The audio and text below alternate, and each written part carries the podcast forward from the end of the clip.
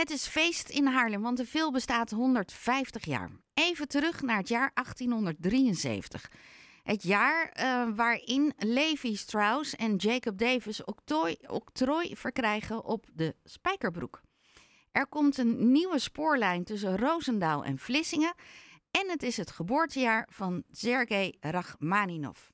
En tennis krijgt de vorm die het nu heeft. Tot zover 1873, op naar nu. Want aan de telefoon Edwin van Balken, directeur van de VIL. Een hele goede morgen, Edwin.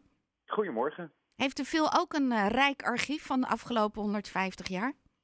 Jazeker, en uh, je noemde het al, 1873. Uh, eh, dat was het jaar dat ehm, de concertzaal, de grote concertzaal van de VIL nu werd uh, gebouwd en opgeleverd. Uh, want er was een uh, herenclub, om het zo maar te zeggen. En die groeide enorm in, in ledenaantal. En die hadden behoefte aan meer ruimte, dus die kochten meer panden daar op die plek. En ehm, met het aankopen van de panden konden ze een grote concertzaal bouwen. En dat werd gelijk ja, een soort cultureel hart van de stad toen. En ja, dat is het eigenlijk nog steeds. En de papieren van de bouw bijvoorbeeld van toen, of het eerste concert, dat is bewaard gebleven?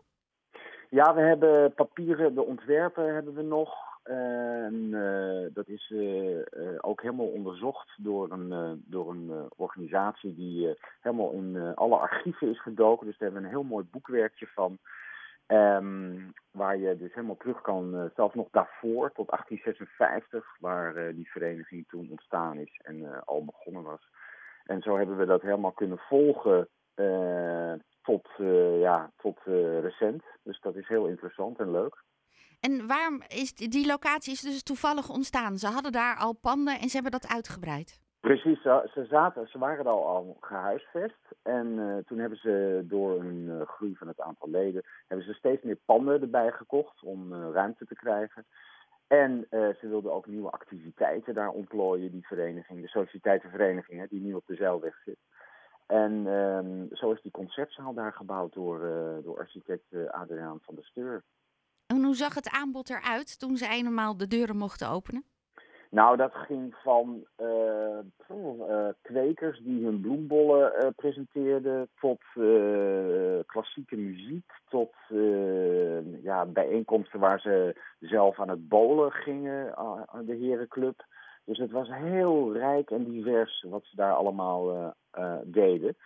En ja, daar zijn natuurlijk nog steeds elementen van over, want de muziek die blijft natuurlijk bij ons. En, maar ook uh, het organiseren van evenementen en congressen, ja, dat is ook nog steeds wat we doen. Dus dat is wel leuk om te zien dat, je, dat die zaal al 150 jaar die functies uh, uh, vervult en nog steeds blijft doen.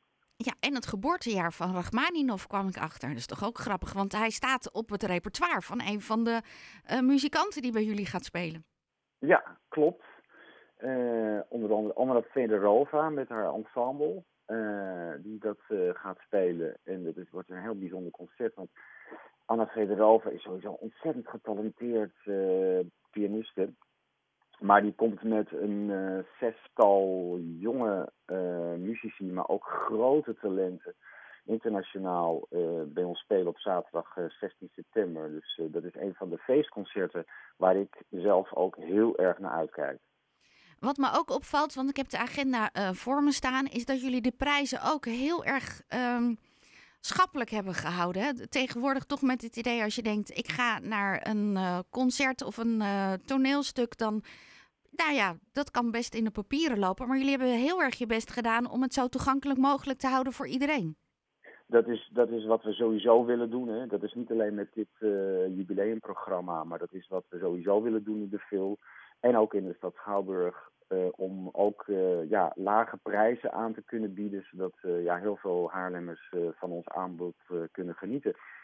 En nog eens een extra tintje aan dit jubileumprogramma is dat je bij zowel het openingsconcert als het slotconcert krijgen alle bezoekers vooraf een iets te drinken en een klein hapje. En ook na afloop iets te drinken en een hapje.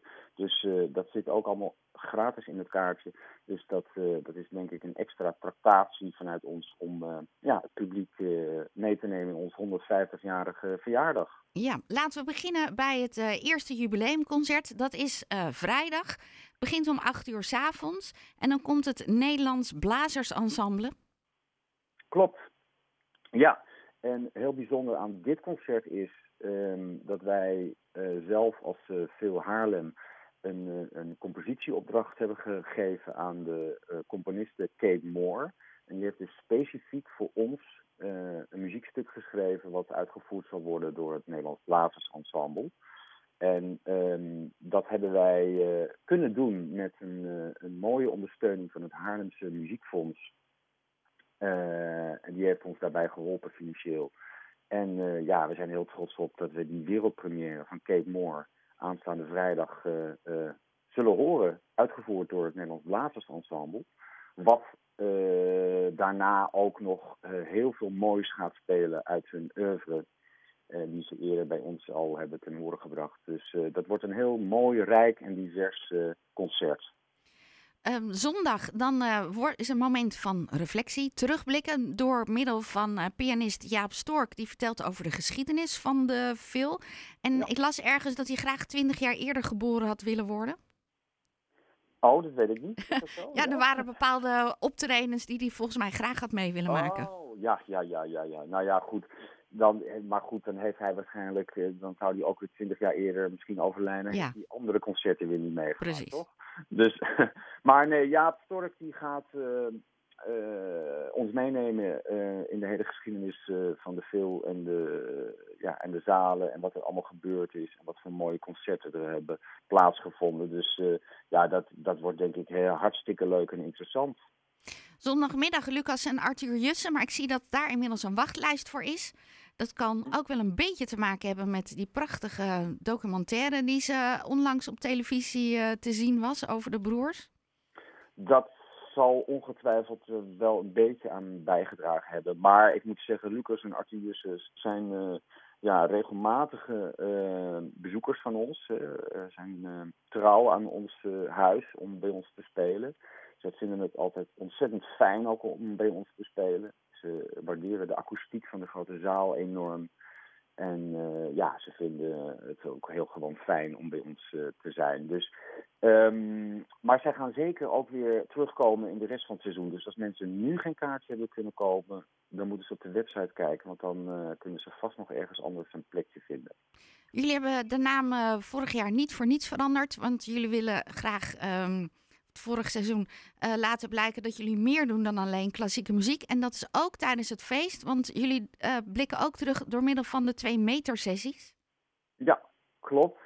Ja, uh, Jan Douwe Kroeske, dat is voor ehm, eh, de hele jonge generatie misschien niet een bekende naam, maar voor mij persoonlijk bijvoorbeeld wel. Ik heb vroeger veel geluisterd naar zijn twee meter sessies, soort unplugged aanvallen letteren. Uh, waarin hij uh, ja, artiesten, bands, singer-songwriters presenteerde in een uh, akoestische setting. En dat gaat hij bij ons doen live op het podium van de grote zaal. Met ja, drie hele verschillende, maar hele mooie um, artiesten. Nick Lowe, een, een, een, ja, maar hoe kan je Nick Lowe omschrijven? Een, producer, een singer-songwriter, um, iemand die achter vele bekende namen heeft gestaan, waaronder Elvis Costello. Zelf ook hits heeft gehad met uh, I Love the Sound of Breaking Glass. Kortom, een hele interessante uh, muziekartiest die ook heel uh, ja, leuk is om naar te luisteren. Um, en die wordt dan onder andere begeleid door Ellen Johannes en An Anneke van Giersbergen. Onze eigen Anneke van Giersbergen van voorheen The Gathering grote popband. Um, dus dat wordt een heel bijzonder programma daar op die dinsdagavond van 8 tot 10. We hebben er nog twee staan. Op woensdag 13 september om 8 uur Canto Ostinato. Ja, Canto Ostinato. Een, een, ja, ik denk wel een groot meesterwerk in de Nederlandse muziekhistorie. Uh, uh, gecomponeerd door Simeon ten Holt. En ehm, dat is een prachtig pianostuk. Maar heel bijzonder aan deze uitvoering is dat ons geweldige orgel in de grote zaal bespeeld gaat worden ehm, de, uh, via deze compositie met twee vleugels. Dus dat wordt een, denk ik een heel, uh, heel bijzonder concert. Ja, ik riep nog twee, maar dat is helemaal niet waar. Ik heb er nog drie. Um, op vrijdag uh, komt Maan. Ja, Maan is bijna uitverkocht. Dus als mensen daar nog naartoe willen, moeten ze heel snel zijn. Uh, ja, ik denk heel interessant. Een, een, een, een hedendaagse Nederlandse popartieste die ongelooflijk aan het groeien is. En uh, een heel groot publiek aanspreekt. Dus uh, ik ben heel blij dat ze bij ons een concert wil verzorgen op vrijdagavond. En live ook zo goed uit de verf komt. Ja, zeker. Ja. ja. ik heb er ook nog op het bevrijdingspop was het, vorig jaar gezien. En uh, ja, daar pakten ze ook uh, iedereen in. Dus ik denk, uh, ja, geweldige performer. Dus komt dat zien. Ja, nou, Rachmaninov heb ik net al genoemd. En een van zijn stukken en meerdere componisten, die komen zaterdag aan bod met ja. Anna Vedorova. Precies. Ja, een Oekraïense pianiste, ook al meerdere keren bij ons te gast geweest. Een ongelooflijk bijzondere pianiste van heel hoog niveau. En wat ik net al zei, zij brengt, uh, ik meen, zes of zeven gasten mee die ook op heel hoog niveau musiceren. Dus als mensen iets heel bijzonders willen meemaken op zaterdag 16 september in de middag, met een heel divers programma van Rachmaninov tot, uh, tot uh, Tchaikovsky, Arensky. nou, dan moeten ze zeker komen luisteren, want dit wordt heel bijzonder. En dan is zondag 17 september om drie uur de afsluiting. Ja, het grote slotconcert van het Nederlands Philharmonisch Orkest. Uh, ook een, een, een, trouwe bespeler van ons uh, groot orkest. Uh, met een paar muziekstukken die, denk ik, voor sommige mensen wel heel bekend zijn. Allereerst de Bolero van Ravel. Um, en verder hebben we ook nog het pianoconcert van Ravel, wat gespeeld wordt. En een stuk van Gershwin, een American in Paris. Het is echt een heel feestelijk, mooi programma op die uh, laatste zondagmiddag. Um, ja, ik denk dat het heel bijzonder gaat worden. En uh, mensen krijgen ook hier dus, wat ik net al zei, voor dat op zich lage bedrag een hapje en een drankje vooraf en een hapje en een drankje achteraf om de feestvreugde nog groter te maken. Edwin, dankjewel. Um, we hebben het hele programma doorgenomen. De rest van de programmering staat bij jullie op de website veelhaarlem.nl. En mensen kunnen ook uh, via deze manier de kaartjes kopen. Hartstikke goed. Hele fijne zondag en alvast gefeliciteerd natuurlijk. Laten we dat zeker niet vergeten. Ja, dankjewel en ook een fijne dag. Dankjewel.